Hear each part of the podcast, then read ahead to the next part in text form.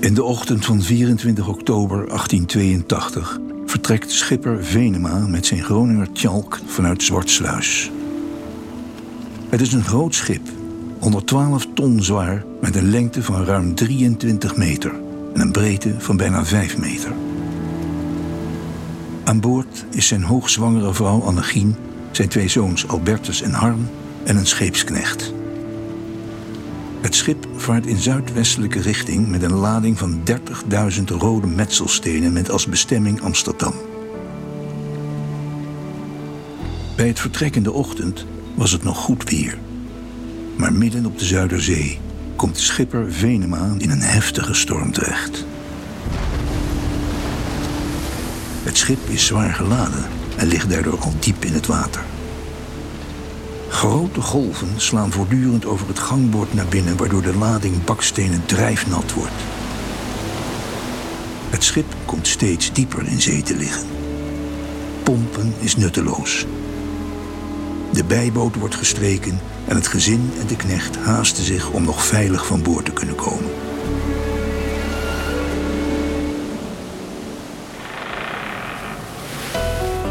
Dit is Het Wrakke Water. Een podcast waarin ik, Jon Hille, samen met maritiem archeoloog Iftinus van Popta op zoek ga naar de tragische verhalen achter de vele scheepsrampen op de Zuiderzee. Met wetenschappers en nazaten gaan we proberen om deze rampen te reconstrueren. Aflevering 3. CSI Zuiderzee. We zijn hier naartoe gegaan omdat in uh, Lelystad, zeg maar in de, in de polders, lagen iets van 400, 500 uh, scheepswrakresten. In de loop van de tijd zijn die min of meer bekeken, boven gekomen, uitgegraven en, en bestudeerd en onderzocht. Dit is Benno van Tilburg. Hij was tot eind 2016 hoofd van de afdeling scheepsarcheologie van de RCE, de Rijksdienst Cultureel Erfgoed. En dit is maritiem archeoloog Iftinus van Popta. Hey Iftinus. Hey, hallo Jon. Hey, wij hebben Benno van Tilburg al eerder in deze podcast kunnen horen, toch? Jazeker, en hij vertelt hier wat de RCE destijds in Lelystad allemaal deed. In het gebouw brachten we dus eigenlijk alle scheepsresten naar binnen. En die konden we dan eerst in een soort, soort sproeivloer onder water zetten, zodat ze goed onderhouden werden. Omdat ze uit het water kwamen in combinatie met, het, eh, met de lucht, gingen ze meteen eigenlijk uh, degraderen, gingen ze verpulveren. Dus je moest ze beschermen. En daarna kwamen ze in de fase van restaureren en uiteindelijk tentoonstelling in het toen nog open depot van de Rijksdienst. Nou, en hoe dat precies in zijn werk gaat, het conserveren van zo'n scheepswrak, vertelt Joran Smalen. Ja, en goed om te weten is dat Joran conservator is bij Batavialand in Lelystad. En je hebt ook hem al eerder gehoord in deze podcastserie. Het verschilt een beetje van, afhankelijk van de kwaliteit van het schip. Uh, van zo'n vroege uh, opgraving heeft men gebruik gemaakt van creosootolie om uh, het schip te conserveren. Dat stinkt nogal, maar het is wel een heel goed middel om, om dat te doen. De nieuwere schepen, die, daarbij wordt er meestal gekozen voor een behandeling met polyethyleenglycol. En dat houdt in dat je het scheepshout impregneert en dat dat polyethyleenglycol, een soort kaarsvetachtig middel, dat dat de plek inneemt van het water. Wat natuurlijk na die, al die jaren onder water uh, de cellen heeft gevuld. En uh, ja, daarmee krijgt het zijn stevigheid weer, uh, weer terug. Dat is de bedoeling.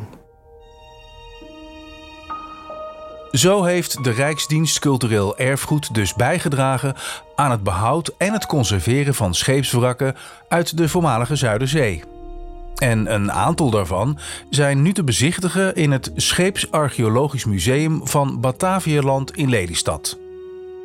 Maar wat bepaalt nou of een scheepswrak al dan niet wordt uitgegraven en geconserveerd? Om te beginnen, elk, elk onderzoek is duur. En uh, we hebben in die beginjaren heel veel wrakken aangetroffen in de poldergrond. Uh, welke jaren heb je het dan over? Nou, dan heb je het eigenlijk al over de jaren 60, 70, 80. Daar begint het een beetje mee. De scheepsarcheologie is een vrij jonge tak van sport. Uh, en op land kun je dan graven. Je kan gaan kijken wat is er nog over van die scheepswrakken. En het probleem was natuurlijk dat de meeste wrakken die we hier aantroffen... die waren behoorlijk uit elkaar geslagen. Waren eigenlijk behoorlijk verwoest. Dus je had echt wrakken van scheepswrakken aangetroffen. Alleen het probleem is altijd met scheepswrakken, het is een soort toevalstreffer. Ik bedoel, het is dan bij toeval dat of de boer of wie dan ook uh, bezig is in de grond en dan per toeval een schip aantreft.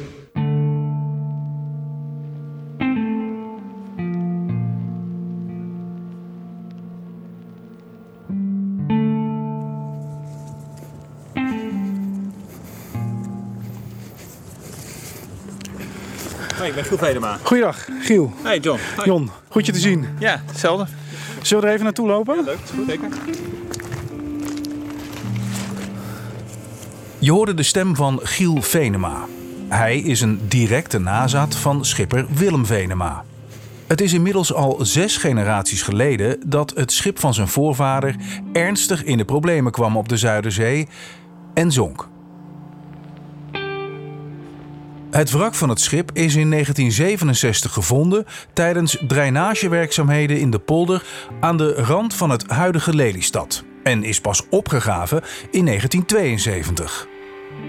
Het verhaal van dit schip heeft nog steeds een bijzondere plek bij de familie Venema. Kijk, een scheepswrak is nooit een, een gelukkig restant natuurlijk. Hè? Dat, dat zegt het woord wrak al. Eh, dus als je denkt wat daar allemaal is gebeurd in de jaren 80 van de 19e eeuw. Als er dan zo'n wrak dus letterlijk boven water komt. En dat ligt er nog steeds zo bij.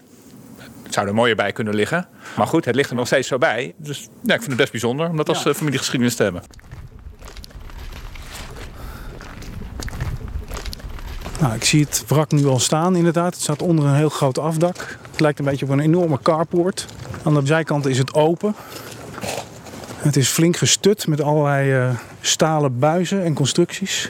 Het is natuurlijk allemaal heel broos. De scheepsnaden staan allemaal open, dus dat moet allemaal eh, goed eh, op zijn plek gehouden worden. Nou, naast het scheepswrak is een soort loopbrug gemaakt. Die loop ik nu op. Het begint een beetje te waaien. En hier kijk je dan vanaf die loopbrug kijk je in het wrak.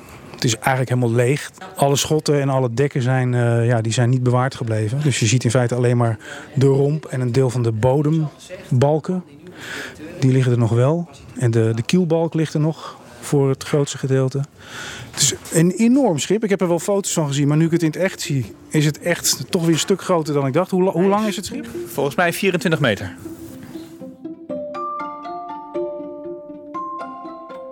Nou, ik bezocht dus het wrak van het schip van schipper Willem Venema. Samen met die nazaat Giel Venema, zoals dat nu dus staat opgesteld in de open lucht. vlak naast het museum van Batavialand in Lelystad. Eftinus, eh, ja, wat is dat eigenlijk precies voor een schip? Kun jij het eens omschrijven? Ja, zeker. Als je dat eh, heel kort samenvat, dan is het een, eh, een vrachtschip van het type Chalk.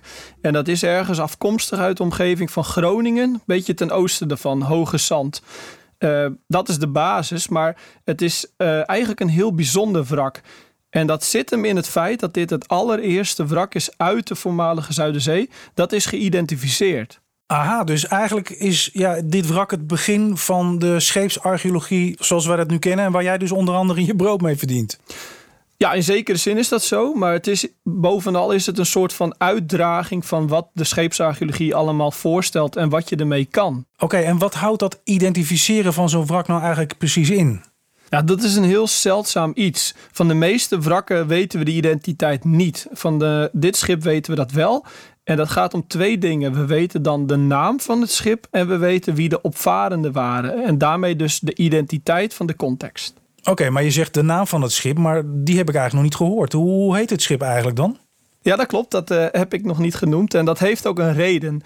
Eh, In de eerste plaats heb je de familie Venema. En je hebt de toenmalige archeologen die het schip ontdekten. En die kwamen tot de conclusie samen dat het schip de Zeehond heette. Want in het wrak werd een houten bordje gevonden en daarop stond in, eh, in mooie letters de Zeehond.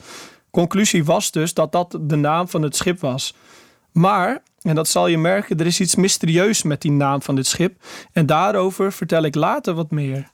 Oké, maar wat dus ook bijzonder is, vind ik, van dit schip... is dat dus vrijwel de volledige scheepsraad bewaard is gebleven, hè? Ja, dat klopt. Eh, tot aan de theekopjes en uh, dominosteentjes toe. En eigenlijk moeten we dus even terug naar Joran, de conservator. Hij kan het beste vertellen wat er voor bijzondere vondsten uit het wrak zijn gehaald. Wat dus nu eigenlijk een beetje de naam zeehond draagt. Mijn twee favoriete objecten zijn eigenlijk het schotje wat daarin is gevonden, een zogenaamde evaatje. En uh, ja, dat is toch weer zo'n voorbeeld van textiel wat mooi bewaard uh, is gebleven in, uh, in de polderklei, zal ik maar zeggen. En het andere dat is de pijp. En ja, dat is een pijp met een heel mooi opschrift erop. Even kijken of ik hem uit mijn hoofd weet. het varen is mijn ambt, op het water moet ik bouwen. Ik zal mijn schip en goed aan God de Heer vertrouwen. Ja, en dat doet hij dus uit zijn hoofd. Hè? Dat heeft dus blijkbaar wel indruk op hem gemaakt, uh, Iftinus, die tekst op die pijp. Absoluut. Eh, het geeft aan hoe belangrijk en bijzonder die vondsten zijn. Hij zit daar ook gewoon elke dag tussen. Dus ik ben daar ook wel jaloers op als maritiem archeoloog. Want deze vondsten zijn namelijk de sleutel tot de ontdekking van de identiteit van scheepswrakken. En Joran die vertelt ook wat voor hem als conservator het belang is van het goed conserveren van scheepswrakken uit de voormalige Zuiderzee. Voor een deel is dat kennis over de constructie. Uh, er zijn twee grote naslagwerken die geschreven zijn in de 17e eeuw over uh, de scheepsbouw. En eigenlijk moeten we daarmee doen, want men gebruikte in die tijd geen bouwtekeningen. Dat betekent dat er nog ontzettend veel lacunes zijn op het gebied van scheepsconstructie. En uh, ieder schip wat je ook opgraaft is ook weer net iets anders in een bepaald aspect. En als archeoloog wil je dan weten uh, waarom verandert dat? Uh, heeft dat? Wil men grotere schepen kunnen bouwen? Wil men meer lading erin kunnen hebben? Uh, heeft het met de vaareigenschappen te maken? Ja, je probeert te begrijpen welke keuzes mensen hebben gemaakt. En omdat we dus heel weinig documentatie hebben over die scheepsbouw. Men, mensen denken altijd gelijk aan de VOC en die hielden inderdaad uitgebreide archieven bij. Maar voor de scheepvaart hier op de Zuiderzee speelde die VOC uh, niet, niet zo'n grote rol. Heel veel van die scheepsbouwers uh, die, die leerden dat gewoon van, van een meester en gaven dat weer, weer door. En die maakten gebruik van een aantal standaardmaten en, en ja, waarin ze, waaruit ze weer, weer allerlei andere afmetingen konden afleiden. Ja, en die, dat vinden we dus niet op papier terug. En als wij willen begrijpen hoe die schepen zich ontwikkelen, dan moeten we daarvoor gewoon de grond in. Maar er is volgens Joran nog een ander element... wat de gevonden scheepswrakken uit de voormalige Zuiderzee... en het behoud daarvan belangrijk maakt. Verder is het een verhaal van de geschiedenis van de gewone Nederlander. Kijk, het maritieme uh, aspect heeft natuurlijk een enorme invloed gehad op de manier hoe Nederland gegroeid is en, en op de Nederlandse cultuur. Ga maar eens na hoeveel woorden en, en gezegden nog een oorsprong hebben uit de scheepvaart, waar mensen eigenlijk al niet eens meer stil bij staan. En uh, ja, we dreigen nu een beetje meer uh, afstand te krijgen tot dat leven. Hè. Steeds minder mensen die, die kiezen ervoor om op die manier schipper te worden of visser te worden. En de verhalen die zeg maar niet opgetekend zijn. Hè, en die wij als archeologen deels kunnen, kunnen reconstrueren. En uh, ja, dat, dat brengt die, houdt die mensen ook weer, uh, hè, dat brengt ze ook in zekere zin weer tot leven. Ik denk dat het goed is voor Nederland om, om ja, en voor iedereen in het algemeen om te weten waar je vandaan komt. En uh, hè, wat de wereld heeft gemaakt voor ons zoals die er nu is. Zo zie je dus dat het niet alleen gaat om de vondsten en de bouw, dus het type schip die ons informatie kan opleveren over de identiteit en het leven aan boord. Maar bij de meeste zoektochten naar de herkomst van scheepswrakken spelen al die elementen samen juist een cruciale rol. Oké, en dat was dus uh, hier in het geval van de zeehond ook het geval? Jazeker, het is echt een samenraping van van alles en nog wat. En vandaar dat ook de naam van deze aflevering CSI Zuiderzee is. Al moet ik er even bij zeggen, we hebben dan niet te maken met misdaden in de zin van CSI. Maar het gaat meer om de diepgang van het onderzoek. Waarbij je soms op enorm kleine details moet letten om een groot mysterie op te lossen. En dat is hier eigenlijk ook het geval. Ja, dat integreert mij dus ook zo aan jouw werk als maritiem archeoloog. Want ja, hoe en waar begin je gewoon met zoeken als je zoveel spullen vindt?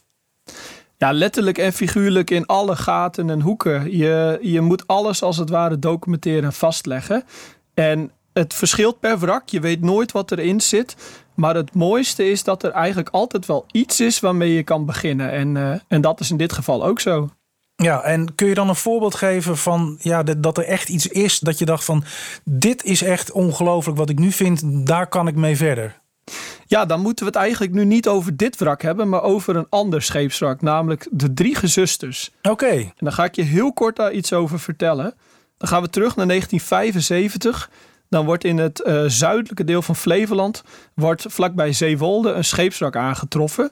Dat wordt dan enkele jaren later opgegraven. En wat blijkt? Een tjalkachtig schip geen verrassing. Het is alsof elk schip uh, inmiddels een tjalk is.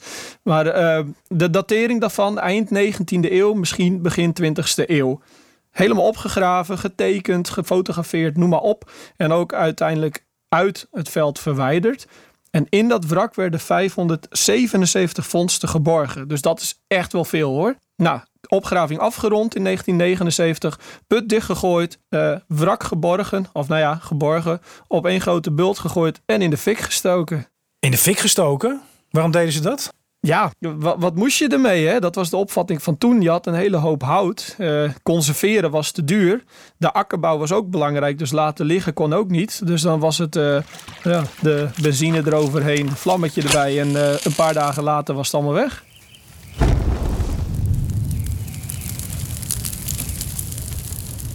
En toen was het dus eigenlijk aan jou om dat schip te identificeren op basis van de vondsten. Want aan het wrak, ja, het wrak was weg. Juist, ja. Nou, in principe waren de archeologen al tevreden met wat ze hadden. Een, een tjalk vergaan eind van de 19e eeuw. Case closed. Maar niet voor uh, eh, CSI Zuiderzee. Want ik had zoiets van: er zijn nog meer vondsten waarmee we aan de slag kunnen gaan. En een hele belangrijke categorie, ook heel zeldzaam. Dat is een serie van hele kleine papiersnippertjes waar tekst op stond. Papiersnippers? Die zijn gewoon bewaard gebleven. Ja, ik snap het ook niet van hoe kan dat nou? Maar ze zijn op een of andere manier toch bewaard gebleven als een soort van papier maché. Maar er waren nog woordjes zichtbaar op. En wat heb ik gedaan? Ik heb die woordjes, die heb ik ja, eigenlijk gewoon overgetekend op papier gezet en gekeken wat voor combinaties daaruit kwamen. Eén uh, woordje, David, was duidelijk leesbaar. Dat hadden de archeologen toen ook gezien. En dat werd een optelsom. David is waarschijnlijk dus het restant van een bijbeltje. Namelijk uh, verwijst naar het Bijbelverhaal van David. Oké. Maar wat blijkt nou? Er staan heel veel andere woorden ook in over fotografieën, negatieven, uh, nou, noem maar op. Het slaat eigenlijk helemaal nergens op. Maar wij hebben tegenwoordig een heel interessant archief. Het archief van de Koninklijke Bibliotheek, Delver. En daarin staan alle historische kranten gescand. En ik heb gewoon die woorden in dat archief ingevoerd in allerlei zoekcombinaties. En wat blijkt, die papiersnippertjes zijn niet uit de Bijbel afkomstig, maar heel specifiek uit de Nieuwe Veendammer Courant. En wat blijkt, het zijn verschillende kranten die aan boord waren van die Nieuwe Veendammer Courant tussen ongeveer 1890 en 1892. En die krant die blijkt afkomstig te zijn uit Wildervank, de omgeving Veendam, dus ten zuiden van Groningen. Dat is een interessant feit, want dat verklaart dus dat die schipper aan boord dus de krant las, afkomstig uit Veendam. En dat betekent dus dat die schipper waarschijnlijk ergens uit Groningen kwam. Nou, wat ben ik vervolgens gaan doen? Ik ben in de kranten ook gaan zoeken naar een ramp met een tjalk ja. op de Zuiderzee in 1892, 1893. En wat blijkt? Er blijkt een tjalk te zijn vergaan in 1893 van een schipper Meijer, afkomstig uit Wildervank. Dus ook waar de kranten vandaan kwamen. Geladen met steenkolen, net als deze tjalk. En ik heb ook de locaties van waar het wrak gevonden is en waar die tjalk van schipper Meijer is vergaan vergeleken. Exact dezelfde plek. Conclusie: het wrak dat werd gevonden door de archeologen is de drie gezusters van schipper Meijer uit Wildervank. En dan is je verhaal klaar. Waanzinnig. Ja. Um, nou ja, goed, dat wist je toen. En was er nog meer? Ik bedoel, heb je verder nog dingen kunnen uitvinden? Nou, het, het, liep een beetje vast. We wisten dat de schipper Meijer heette. Alleen ik heb daar geen verdere gegevens over kunnen vinden. Wel een mogelijke nazaat, maar die kende dit verhaal niet en kon ook niet verder helpen. En dan zie je dat het verhaal dan toch stopt, voorlopig althans. En dat brengt ons terug bij het gezin Venema, dat op die noodlottige 24 oktober 1882 hun schip, waarvan men tot dan toe aannam dat het de Zeehond heette, hals over kop moest verlaten. Voordat schipper Venema van boord gaat, tint hij het jongste kind, een baby nog, tussen twee kussens en werpt het bundeltje vanaf het dek naar zijn vrouw, die reeds in het op de golven dansende scheepje is gestapt. Dan verlaat schipper Willem Venema als laatste zijn schip. Het gewicht van de met zeewater verzadigde bakstenen wint het uiteindelijk van het draagvermogen van het robuuste schip. Ze zien vanuit de kleine sloep met ledenogen toe dat de tjalk naar de bodem van de Zuiderzee verdwijnt.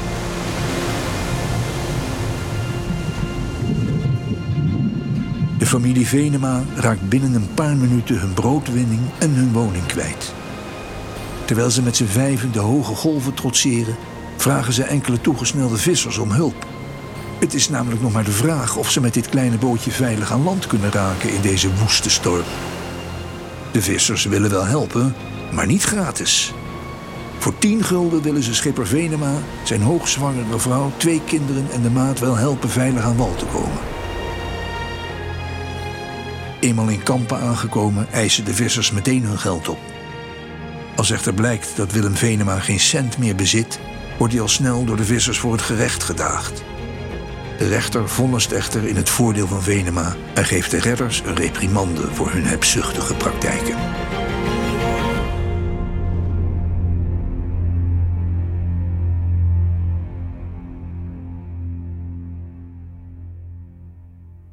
Nou, ook in de familie van nazaat Giel Venema, die je aan het begin van deze aflevering al hoorde, is dit een bekend onderdeel van de nasleep van de ramp.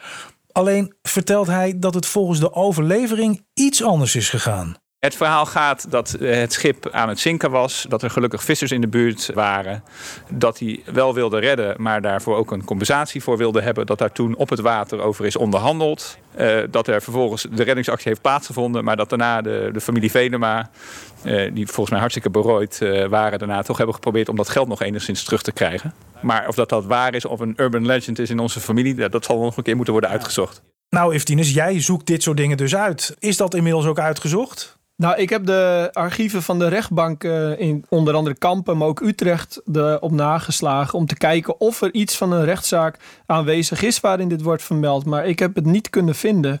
Dus je bewijsmateriaal is eigenlijk daar niet helemaal. We hebben de mondelinge overlevering en uh, daar moeten we het mee doen.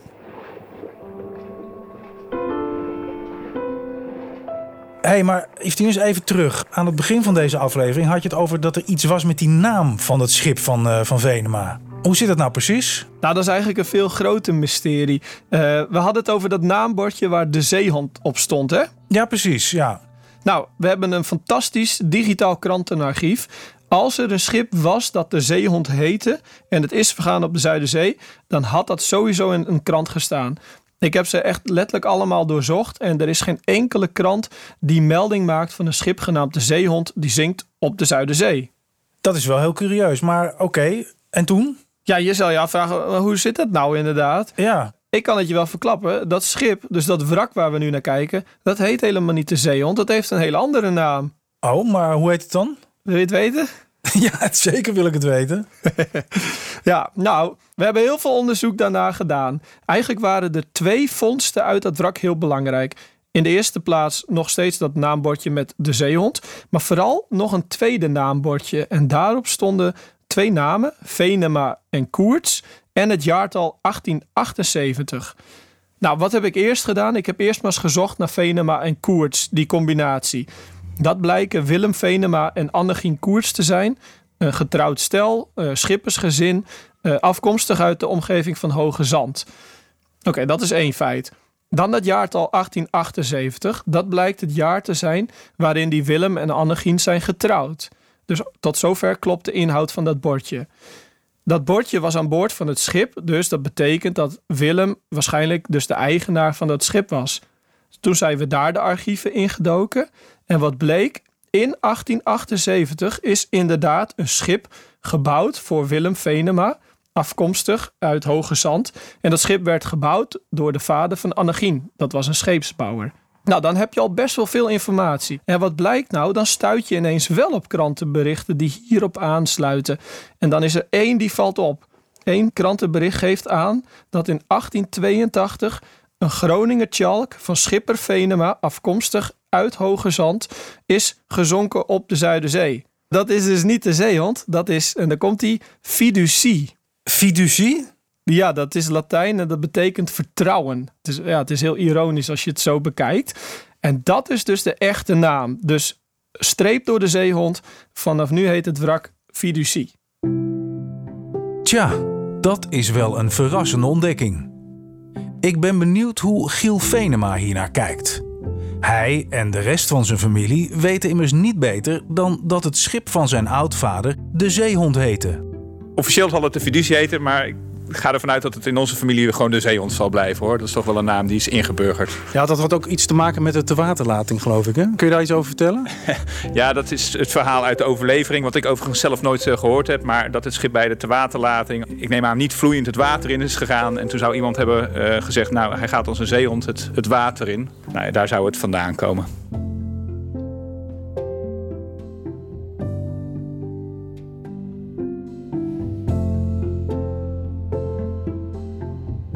Nou, dat is toch wel grappig om te horen, heeft Is dat ondanks al die informatie die je boven water hebt gekregen, dat ja, voor de nazaten van Schipper Venema de fiducie eigenlijk toch de zeehond blijft in hun beleving. Ja, ik vind dat wel mooi. En dan zie je dat dit dus de echte nazaten zijn. Die blijven trouw aan de naam die het schip waarschijnlijk als koosnaam had. En uh, dat heeft ook wel wat. Ja, absoluut. Nou, we weten dus inmiddels dat de opvarenden het allemaal overleefd hebben. Maar over de gevolgen en de nasleep van deze ramp ben ik eigenlijk ook nog wel benieuwd. En daar weet Benno van Tilburg meer over te vertellen. Je hoorde hem al aan het begin van deze aflevering. Hij was destijds als hoofd van de RCE, de Rijksdienst Cultureel Erfgoed, nauw betrokken bij de verplaatsing van het wrak van de Fiducie naar de huidige lichtplaats bij Museum Batavia Land in Lelystad. Dat is ook veel treurig, want het schip was niet verzekerd. En het schip kreeg de eigenaar Venema als een soort bruidschat mee. En het was zijn inkomen en zijn woning. Het schip zonk. Hij was zijn inkomen kwijt en zijn woning. Ze waren eigenlijk dus aan lage wal. Zijn toen naar Amsterdam gegaan met al hun kinderen. En zijn ja, een beetje aan de bedelstaf geraakt. Dus dat zie je dus ook. Dus dan krijg je ook het verhaal van wat gebeurt er met de mensen die dat soort dingen niet goed hadden geregeld. En de meeste mensen hadden het in die tijd niet goed geregeld. Dus schip weg. Was je dus helemaal down en out. En je kon het schudden. Tja, je kon het schudden. Dat is toch best een rake opmerking eh, van Benno van Tilburg, hè, Yves Echt wel. Als je onverzekerd was bij zo'n ramp, dan was je dus gewoon letterlijk alles kwijt. Ja, inderdaad. En nou ja, Giel Venema die vertelde me ook dat het echt lang heeft geduurd voordat de familie Venema er weer een beetje bovenop is gekomen. Nou ja, voor mijn voorvader is het een uh, sociale ramp uh, geweest. Hè? Van, van een eigen ondernemer met een, bezit, uh, een schip als bezit. Naar zijn ze moeten verhuizen naar Amsterdam. Het heeft ook tot wat spanning in de familie geleid. Ja, en die zijn daar totaal berooid in Amsterdam terechtgekomen. En Willem Venema heeft daar een, een baantje kunnen krijgen in de suikerraffinaderij als stoker. Uh, maar bevonden zich toen opeens wel in, uh, in de onderste lagen van de, van de sociale klasse van Amsterdam. Ja. Want daarvoor hadden ze het gewoon wel, het was natuurlijk hard werken, maar hadden ze wel een, gewoon een goed bestaan? Ja, kijk, als je eigenaar bent van een schip van, uh, van 24 meter lang, dat is net zoals nu nog, dat heb je ook niet zomaar. Dus ik denk dat ze, dat ze het redelijk goed hadden. Ze zullen, zullen niet rijk zijn geweest, maar ze waren in ieder geval eigen baas en ze hadden het goed. Maar dat was in één klap voorbij. Ja, de opvarenden hebben dus een hoge prijs betaald, Jon. Inderdaad. En ja, het geld speelt vandaag de dag eigenlijk ook nog steeds een uh, belangrijke rol bij dit wrak, hè? Ja, inderdaad, want het is tot nu toe niet gelukt om te investeren in een betere en ook toekomstbestendige lichtplaats voor het wrak van de fiducie. Het ligt nu een beetje naast de parkeerplaats van uh, Batavia Stad. Maar ja, dat is niet waar het zou moeten zijn. Het zou moeten worden verplaatst. Maar tot nu toe heeft niemand daarin het initiatief genomen. En uh, ik denk dat het hoog tijd is dat de actie wordt ondernomen om met dit wrak aan de slag te gaan. We hebben het verhaal dus nu neergelegd, veiliggesteld. Nu nog de fysieke overblijfselen. En ook Giel Venema heeft daarover een zeer uitgesproken mening. Ik voel me enigszins bevoorrecht dat we zo'n mooi verhaal in de familiegeschiedenis hebben. Dat is toch leuk. En aan de andere kant heb ik het gevoel wat ik had vier jaar geleden. Ik zeg ja, het ligt hier toch niet mooi. Dit hoort anders. Als ik je goed beluister, dan vind je eigenlijk dat het een beetje, ja, dat het ligt te verpieteren. Kan ik het zo zeggen? Ja, ja, nou, het ligt zeker te verpieteren. Uh, als je kijkt naar de. Naar de nou, nu ga ik een beetje overdrijven, maar dat mag je dan uh, dat mag je relativeren. Maar de jungle die er omheen aan het ontstaan is. Uh, er staat geen bordjes meer bij. als je kijkt naar de andere kant van de loods. Nou, dat is gewoon één grote bende. Je kan duidelijk zien dat er geen aandacht meer is voor dit deel van het park. En dat vind ik jammer. Nou, het is wel duidelijk dat Giel dus ook niet heel erg blij is met uh, hoe er nu met het wrak van de uh, ja, wordt omgegaan. Da daar ben jij het ook wel mee eens, hè, Eftines? Ja, daar ben ik het helemaal mee eens. En uh, in dat opzicht, eh, we moeten er nu actie in ondernemen. En daar is ook goed nieuws in. Vanuit het Rijk en de provincie zijn ze druk bezig om Batavialand uit te breiden. Dus er komt meer geld, er komt meer ruimte om dit soort wrakken te conserveren, te verplaatsen en waarschijnlijk weer opnieuw tentoon te stellen. We moeten daar zuinig op zijn, want we hebben niet zoveel scheepswrakken in deze staat die nog over zijn gebleven. Wat ik eerder zei, de meeste zijn opgebrand. Dus laten we vooral met de fiducie voorzichtig omgaan en uh, koesteren wat we hebben. Nou, dat is een mooi, uh, mooi eindwoord en ook een geruststelling. En maar laten we deze aflevering deze keer dan toch afsluiten met een, een leuk dingetje, een leuk feitje. Want weet jij nog wat de lading van de Fiducie was destijds? Ja, uh, dat waren bakstenen, toch? Ja, precies. En nou, bij het wrak zijn destijds nog bakstenen van de lading gevonden. En toen Giel daarachter kwam, wilde hij daar eigenlijk wel wat van meenemen als aandenken. De bakstenen lagen erbij als, uh, ja, als decoratie. En toen heb ik aan de toenmalige directeur gevraagd of ik er eentje mocht meenemen. Nou, dat mocht natuurlijk niet van hem, maar hij heeft me er toch eentje gegeven. En er ligt er nou eentje in mijn terras in de tuin. En dat is altijd de aanleiding voor een leuk verhaal als, ik, uh, als we gasten hebben. Oké, dus dan zit je gewoon daar met je gasten een drankje te doen en dan is het van oké, okay, daar, daar, daar ligt nog een... tegel is dat, ja, dat, dat, dat is niet zo mooi. Nee, dat klopt, maar het is wel een bijzonder verhaal. En ligt hij echt helemaal apart? Dus zie je hem echt liggen of ligt hij gewoon tussen andere... Ja, in het midden van het terras. Je ziet het echt gelijk liggen. Ja, ja bijzonder. Ja. ja. Wat doe je zelf uh, trouwens? Ja, ik zit in de scheepsbouw. Joh. Ja, ja toevallig hè? Ja. ja dat moest zo zijn? Of is dat uh, met de jeugd zo gekomen dat je ook al toen al bezig was met dit wrak? Dat je dacht van nou, weet je wat? Ja, nee, dat zal een combinatie van DNA en van uh, imprinting zijn, uh, denk ik. Ik ben mijn carrière begonnen bij de marine. Ja. als officier en ja, daar, daarna ben ik in de scheepsbouw verder gegaan. Ja. Dus ik heb er ook echt wel nog wel wat mee met, met schepen en, en maritieme geschiedenis.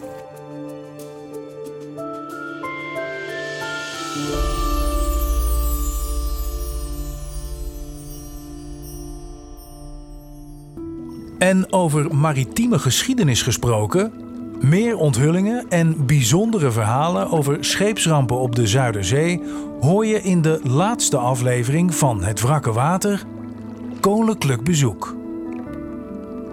Het Wrakke Water is een podcast van High Level Media Producties, mede mogelijk gemaakt door de provincie Flevoland. Research werd gedaan door Renate van der Zee. Format en scriptontwikkeling Jonathan Grubert. Mijn co-host en adviseur is Iftinus van Popta.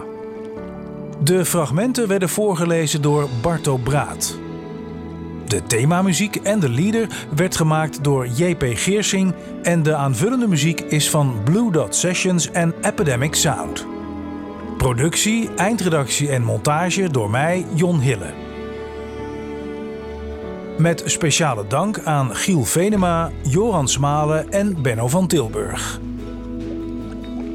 Wil je meer achtergrond over deze serie of wil je reageren? Ga dan naar hetwrakkewater.nl.